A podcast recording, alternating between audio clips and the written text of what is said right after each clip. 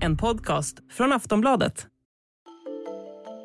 The deal is done. Twitter has been sold to Elon Musk. Elon Musk has bought Twitter for approximately 44 billion. He's going to be paying each share of Twitter $54.20. Ja, häromdagen köpte Elon Musk, världens rikaste man, den enorma sociala medieplattformen Twitter för närmare 428 miljarder kronor. Den omtalade techentreprenören som gjort sig ett namn genom både elbilar och rymdraketer betonar alltså vikten av yttrandefrihet och menar att han genom det här köpet vill förbättra plattformen. Den tidigare styrelsen som bestod av flera delägare var först kritiska till att sälja men nu är allt så bestämt. Bolaget kommer att försvinna från börsen och genom köpet blir Elon Musk ensam ägare till plattformen som har hundratals miljoner användare. Men vad innebär egentligen att Elon Musk tar över Twitter? De som är skeptiska menar att han är en för opolitlig och oseriös person för att styra ett så stort forum. De som är mer positiva menar att allt Elon Musk tar sig för utvecklar världen till det bättre, så varför inte även denna gång? Oavsett vad man tycker om Elon Musk så kan Twitter komma att förändras. Kanske kommer Donald Trump tillbaka till plattformen? Vem vet? I dagens Aftonbladet Daily ska vi prata med Björn Jeffrey, techanalytiker på Svenska Dagbladet, om den stora miljardaffären Twitter. Jag heter Vilma Ljunggren. Hej och välkommen till Aftonbladet Daily, Björn. Tack så mycket. Varför tror du att Elon Musk har köpt Twitter? Det finns nog ett par olika skäl till det. Ehm, jag tänker, han, vad han själv säger, åtminstone är att han eh, bryr sig väldigt mycket om yttrandefriheten och han tycker att den har tryckts till lite via de ja, med regler och policies som Twitter har haft historiskt och de så skulle han gärna vilja rätta till dem. Så det är säkert en, en komponent av detta. Jag tror också att det här är ju en, en, en miljardär som tycker om eh, mycket projekt. Han är ju redan vd för minst tre bolag vad jag vet. Tesla, elbilsföretaget SpaceX som gör rymdraketer och även ett järnföretag som sysslar med liksom järnimplantat som heter Neuralink. Så han är ju ganska upptagen redan nu, men han, han har ju också ett ganska bra självförtroende tror jag. Så jag tror, och han har även skrivit detta i ett av breven, att han kan fixa Twitter. Helt enkelt. Han kan, han kan rätta till de sakerna som han tycker har blivit fel med Twitter. Och han tror att han är personen som kan ordna till det. Så det är väl kanske lite av ett personligt projekt för honom också. Och på vilket sätt ska han fixa Twitter då? Alltså den kritiken som har kommit kan man säga den har ju varit från både eh, vänster och höger på det politiska spektrat. Eh, det är att man blir avstängd ganska fort, att, att vissa saker försvinner, att information har plockats bort. Um, och också att det finns en massa, ja, men en massa troll som, som, som bråkar med folk och massa trakasserier. Um, så att egentligen, så, oavsett vem man frågar på både höger och vänstersidan av det politiska spektrat så är det ganska många som tycker att ja, men Twitter funkar ganska dåligt. Egentligen, det här är inget bra, det här är inget bra sätt att föra en, en dialog på. Um, så jag tror att det, när han pratar om att han ska fixa till det så är det väl den typen av frågor. Men det ska sägas, det här är ju ingenting som är nytt för Twitter heller. Utan den befintliga organisationen som jobbar på Twitter har ju försökt lösa detta med spam och liksom utländsk påverkan och bottar och alla möjliga saker. Det sitter de och jobbar med hela tiden. Så det, det, här är inga unika tankar. Sen kanske Elon Musk blir bättre på att faktiskt fixa det på riktigt, det återstår att se.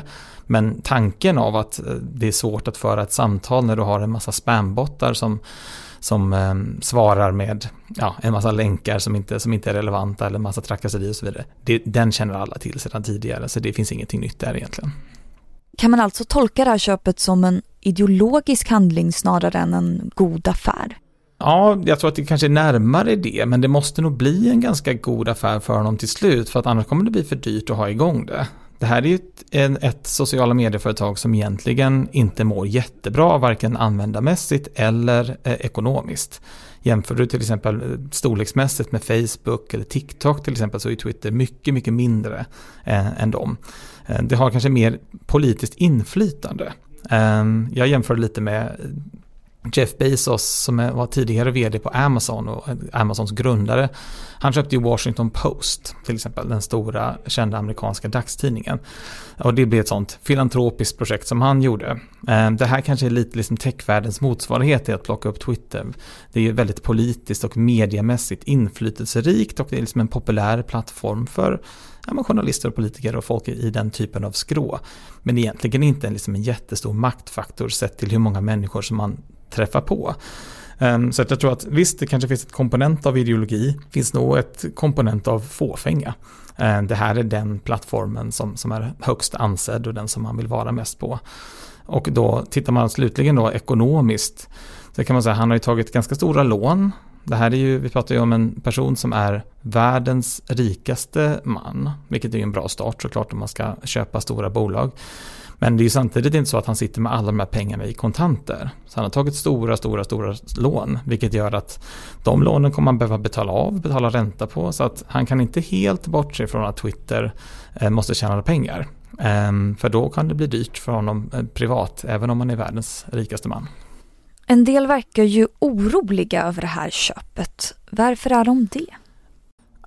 Elon Musk är ju en polariserande figur. Han är ju eh, känd för liksom att man aldrig riktigt vet om han skämtar eller om han är allvarlig till exempel. Han är också lite av en mobbare, eh, åtminstone på nätet. Han, han tycker kanske själv att detta är, detta är humor och så vidare. Men han har ju varit i ganska mycket publika bråk med folk kring vad han har sagt och sagt otrevliga saker till folk. Så jag tror att ganska många är ja, lite oroliga över att han kommer släppa in en massa ja, men, troll och, och eh, hat eh, in på Twitter som Twitter kanske hade lyckats bli av med tidigare.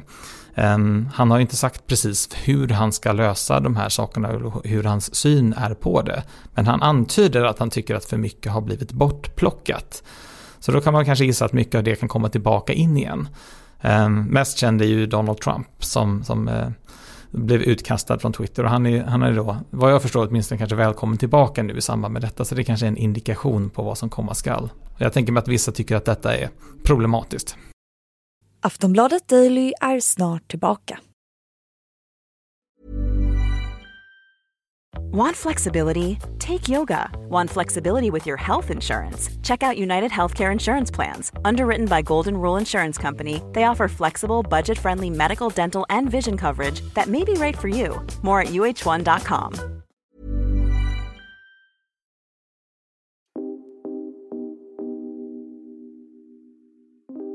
Elon Musk själv brukar ibland kallas för ett nättroll. En av de mest kända exemplen på när han har provocerat folk är kanske för några år sedan när han kallade en dykare som skulle rädda några pojkar som var fast i en grotta i Thailand för pedofil, helt utan belägg. Elon Musk själv kommenterar det hela med att det uppenbart handlade om att häckla mannen och att folk säger saker på internet hela tiden utan att mena det. En annan gång var när han postade en meme där Kanadas premiärminister liknades vid Hitler. Eller bara häromdagen när han hånade Bill Gates mage på just Twitter. Vi hör Björn Jeffrey igen om hur de här provokationerna kan påverka hur mycket folk litar på Elon Musk som ägare av just ett sociala medieföretag. Jag tror att väldigt många inte gör det det, de, de som jublar högst verkar vara de på den amerikanska högen, alltså det politiska spektrat. Eh, de jublar mest, de som upplever att Twitter har varit för ja, men kanske negativt och stängt av mer på högerkanten, tycker de åtminstone. Ehm, de jublar ju kanske högst, och så, men det är nog väldigt många andra som är oroliga över ja, hans omdöme. Han kan ju vara en respekterad entreprenör och vara duktig på att bygga företag och tjäna pengar. Det betyder inte nödvändigtvis att man, man är en, en god ledsagare av ett offentligt samtal. Det är två väldigt olika saker. Ehm, och omdöme och för den delen liksom ja, men produktkänsla kring hur bygger man ett socialt nätverk? Hur ser man till att folk verkligen deltar i det här goda, eh, demokratiska och liksom användbara samtalet som han säger sig vilja ha? det är ju ingenting som vi har sett från Elon Musk tidigare. Och så som han själv uttrycker sig är kanske inget jättebra exempel på hur man skulle vilja ha det heller. Så att, ja, jag, jag, kan verkligen förstå att det finns folk som är oroliga över hur det här kommer bli nu. Och kanske också tänker sig att Elon Musk underskattar komplexiteten av att driva ett socialt nätverk dessutom. Andra sociala medier då, till exempel Facebook, kommer de påverkas av det här köpet? Jag tror att många tänker att Elon Musk är ingen person som man vill, man vill möta. Så att säga. Man vill inte ha den på andra sidan, man vill helst spela i samma lag. Han är väldigt oberäknelig, han är väldigt kapitalstark, han är väldigt duktig på att rikta liksom, ljus och uppmärksamhet kring det som han själv gör. Och Twitter har egentligen inte varit något större hot för Facebook eh, på många, många, många, många år. Möjligen då att man blir lite oroad och tänker att det här kan liksom få fart på Twitter igen eh, på ett nytt sätt och kanske få liksom en, en, ny, ett ny, en ny intressevåg åtminstone. Men eh, ja, man vet aldrig. Det är det som kanske är det mest intressanta med Elon Musk. Han är oberäknelig eh, på gott och ont. Eh, så det är svårt att förutse hur de här sakerna kommer att bli och det, så, precis så tror jag att konkurrensen tänker om detta också. Mm. Och själva Twitter då, det är ju ett ställe där man pratar om just sådana här saker. Hur går snacket där?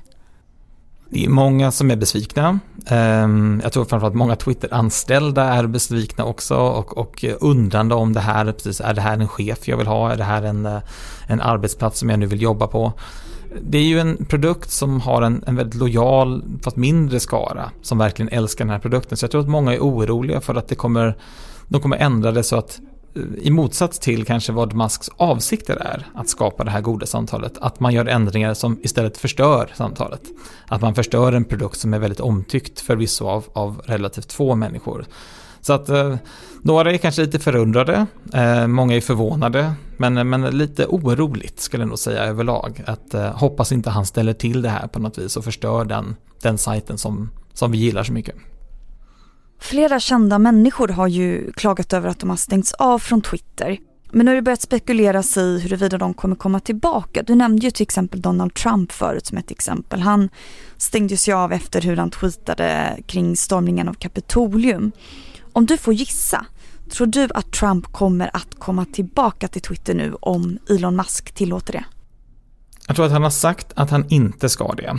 Ehm, men skälet han säger det är att han själv har startat ett socialt nätverk ehm, som han försöker få fart på. Så att han har inget intresse för det. Men, men ehm, jag skulle tro att han kommer tillbaka ändå.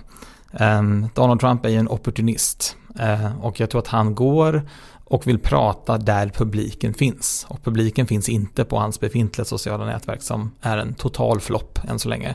Eh, publiken finns på Twitter, åtminstone den publiken som han vill åt. Så att jag, jag skulle bli förvånad om han inte kröp till korset, i synnerhet inte om han bestämmer sig för att eh, försöka bli president en andra gång. Då tror jag absolut att han kommer att komma tillbaka igen, för det var ju egentligen hans primära kommunikationskanal eh, på många vis. Eh, och den kommer bli svår att replikera på något annat sätt. Så jag, jag tror nog att vi kan förvänta oss Trump snart igen. Och om du får spå lite i framtiden då, hur tror du att Twitter ser ut om fem år? Det är, det är, omöjligt att veta. Jag skulle tro att Elon Musk inte vet det heller. Ehm, jag tror åtminstone att produkten kommer att förändra sig mycket. Man kan tänka sig att de kommer börja ta betalt. Det skulle inte vara omöjligt till exempel. Ehm, jag tror att de, de kommer göra ja, men ändra själva produkten så att den ser, ser liksom fungerar på ett annat sätt. På ett mycket högre vis. Ta bort den här gamla liksom, ideologiska tanken av ja, men, hur, hur, Twitter en gång var. Det här är ju en, en bolag som är 15 år gammalt. Eh, jag tror att man kanske kastar ut mycket av det gamla och liksom startar om och tänker att det här är det här en plats där de här samtalen förs. Ehm, det är den vi ska försöka värna om. Vi behöver inte hålla så hårt i precis hur det har varit utan snarare tänka på hur det ska bli framöver. Så att ehm, ja, vi får se. Det ska bli eh, spännande. Det ska det bli. Det var allt för idag. Tack så jättemycket för att du gästade oss, Björn Jeffrey. Tack själv. I dagens avsnitt av Aftonbladet Daily har du hört Björn Jeffrey, techanalytiker på Svenska Dagbladet och mig, Vilma Ljunggren. Tack för att du har lyssnat.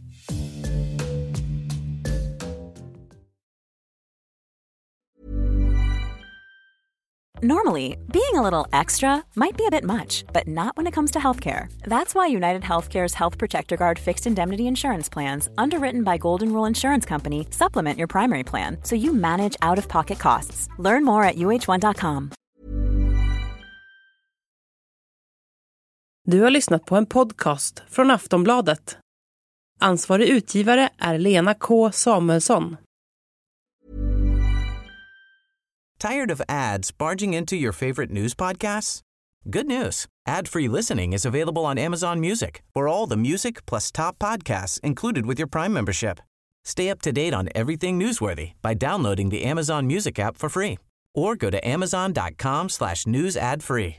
That's amazon.com slash news ad free to catch up on the latest episodes without the ads.